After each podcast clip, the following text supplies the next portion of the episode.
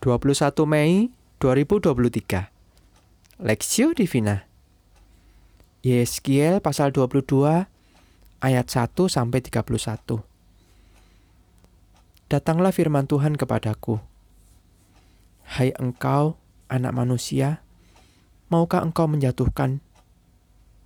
Ya menjatuhkan hukuman atas kota yang penuh hutang darah Beritahukanlah kepadanya segala perbuatannya yang keji. Dan katakanlah, Beginilah firman Tuhan Allah.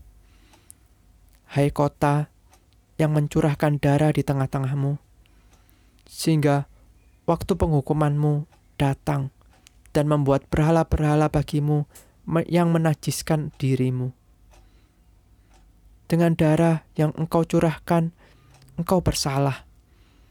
Dan dengan berhala-berhalamu yang engkau perbuat, engkau menjadi najis. Dengan demikian, engkau membuat saatmu mendekat dan membuat akhir tahun-tahunmu datang. Oleh karena itu, aku memberi engkau cercaan bagi bangsa-bangsa dan ejekan bagi semua negeri.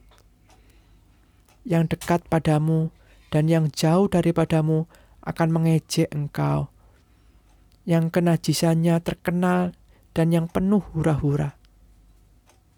Lihat, masing-masing pemimpin Israel mengandalkan kekuatannya di tengah-tengahmu untuk menumpahkan darah.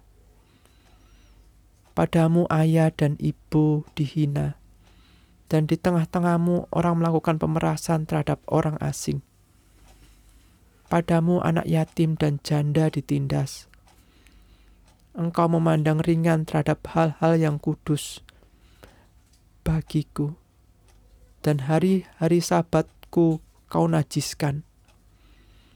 Padamu berkeliaran orang-orang pofitnah dengan maksud mencurahkan darah dan orang makan daging persembahan di atas gunung-gunung. Kemesuman dilakukan di tengah-tengahmu Padamu orang menyingkapkan aurat istri ayahnya dan memperkosa perempuan pada waktu cemar kainnya yang menajiskannya. Yang satu melakukan kekejian dengan istri sesamanya, dan yang lain menajiskan menantunya perempuan dengan perbuatan mesum. Orang lain lagi memperkosa saudaranya perempuan, anak kandung ayahnya. Padamu orang menerima suap untuk mencurahkan darah. Engkau memungut bunga uang dan mengambil riba dan merugikan sesamamu dengan pemerasan. Tetapi aku kau lupakan. Demikianlah firman Tuhan Allah. Sungguh, aku bertepuk tangan mengenai keuntunganmu yang haram yang kau dapati dengan yang kau dapati dan mengenai darah yang dicurahkan di tengah-tengahmu. Apakah hatimu akan tetap teguh dan tanganmu merasa kuat pada masa aku bertindak terhadap engkau? Aku, Tuhan, yang mengatakannya dan yang akan membuatnya. Aku akan menyerahkan engkau di antara bangsa-bangsa dan menghamburkan engkau ke semua negeri, dan aku akan mengikis kenajisanmu daripadamu. Maka engkau akan dinajiskan di hadapan bangsa-bangsa karena kesalahanmu sendiri, dan engkau mengetahui bahwa akulah Tuhan. Lalu datanglah firman Tuhan kepadaku. Hai anak manusia, Bagiku kaum Israel sudah menjadi sangat. Mereka semuanya adalah ibarat tembaga, timah putih, besi, dan timah hitam di dalam peleburan. Mereka seperti sanga perak. Sebab itu beginilah firman Tuhan Allah. Oleh karena kamu semuanya menjadi sanga, maka sungguh Aku akan mengumpulkan kamu di tengah-tengah Yerusalem. Seperti orang mengumpulkan perak, tembaga, besi, timah hitam, dan timah putih di dalam peleburan dan menghembus api di bawahnya untuk meleburnya. Demikianlah aku akan mengumpulkan kamu dalam murkaku dan amarahku dan menaruh kamu di dalamnya dan melebur kamu. Aku akan mengumpulkan kamu dan menyemburkan api kemurkaanku kepadamu, sehingga kamu dilebur di dalamnya. Seperti perak dilebur dalam peleburan, begitulah kamu dilebur di dalamnya. Dan kamu akan mengetahui bahwa aku Tuhan yang mencurahkan amarahku atasmu. Kemudian datanglah firman Tuhan kepadaku Hai anak manusia, katakanlah kepadanya, Engkau adalah tanah yang tidak menerima hujan, tidak mendapat air pada masa kegeraman, yang pemimpin-pemimpinnya di tengah-tengahnya seperti singa yang mengaum, yang menerkam mangsanya. Manusia ditelan harta benda dan barang-barang yang berharga dirampas. Janda-janda dibuat bertambah-tambah di tengah-tengahnya imam-imamnya memperkosa hukum Taurat dan menajiskan hal-hal yang kudus bagiku. Mereka tidak membedakan antara yang kudus dengan yang tidak kudus, tidak mengajarkan perbedaan yang najis dengan yang tahir. Mereka menutup mata terhadap hari-hari sabatku. Demikianlah aku dinajiskan di tengah-tengah mereka.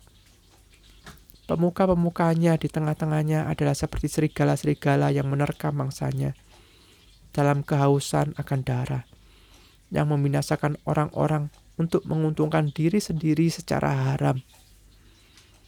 Dan nabi-nabinya mengoles mereka dengan kapur, dengan melihat penglihatan yang menipu, dan memberi tenungan bohong bagi mereka. Nabi-nabi itu berkata, Beginilah firman Tuhan Allah, tetapi Tuhan tidak berfirman penduduk negeri melakukan pemerasan dan pemerasan, menindas orang sengsara dan miskin, dan mereka melakukan pemerasan terhadap orang asing, bertentangan dengan hukum. Aku mencari di tengah-tengah mereka seorang yang hendak mendirikan tembok atau yang mempertahankan negeri itu di hadapanku, supaya jangan kumusnahkan. Tetapi aku tidak menemuinya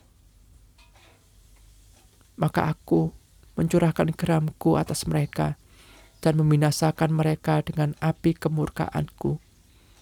Kelakuan mereka kutimpakan atas kepala mereka. Demikianlah firman Tuhan Allah. Pemimpin yang jahat perspektif. Lihat, masing-masing pemimpin Israel mengandalkan kekuatannya di tengah-tengahmu untuk menumpahkan darah. Yeskiel pasal 22 ayat 6. Idi Amin adalah diktator Uganda yang memerintah dari tahun 1971 hingga 1979. Ia dikenal sebagai salah satu pemimpin terburuk dalam sejarah Afrika. Dalam masa pemerintahannya, Amin melakukan kejahatan besar seperti pembunuhan massal, penganiayaan, pembersihan etnis, dan penyiksaan terhadap warga Uganda yang dianggap musuh politiknya. Ia memerintahkan pengusiran terhadap kelompok etnis tertentu dan warga negara asing. Ia memanfaatkan posisinya untuk mengumpulkan kekayaan pribadi, juga memberi hak istimewa bagi keluarga dan rekan-rekannya. Ia juga terkenal memiliki 70 anak dan 8 istrinya. Pemerintahan Amin berakhir setelah kalah perang melawan Tan Tanzania. Ia melarikan diri ke Arab Saudi, tempat ia tinggal hingga meninggal dunia pada tahun 2003. Pemerintahan Amin menyebabkan penderitaan massal bagi banyak orang Uganda dan menjadi contoh buruk terhadap kekuasaan yang tidak terkendali, menyebabkan kehancuran dan trauma bagi banyak orang. Pada firman ini, Yerusalem awalnya adalah kota kudus Allah. Berubah menjadi kota yang penuh kenajisan dan yang menjijikkan. Kebejatan warganya sangat memalukan, sehingga menjadi tontonan yang penuh ejekan dari negeri sekitarnya. Kebobrokan hidup ini dimulai dari kebobrokan moral para pemimpinnya yang tidak segan berlomba menumpukan menumpahkan darah rakyatnya. Ayat 6 dan ayat 25 sampai 28. Kebusukan hidup para pemimpin ini menimbulkan sebuah lingkungan yang menyuburkan proses pembusukan moral semua unsur kehidupan rakyat yang dipimpinnya. Ayat 7 sampai 13 dan ayat 29. Kita dapat belajar dua hal. Pertama, integritas hidup pemimpin adalah sebuah tuntutan yang tidak bisa ditawar. Dari pemimpin yang baik dan berintegritas terbentuk suatu sistem kehidupan bermasyarakat yang terinspirasi teladan integritas hidup mereka. Kedua, Tuhan Allah tidak akan tinggal diam dengan kebobrokan suatu bangsa. Bangsa yang terus-menerus berkajang dalam dosa akan menerima hukumannya. Tuhan Allah menumpahkan murkanya atas mereka dengan tujuan untuk memurnikan memulihkan mereka. Studi pribadi, mengapa Allah sering terlihat diam di tengah kejahatan yang terjadi? Apakah Allah benar-benar diam melihat kejahatan?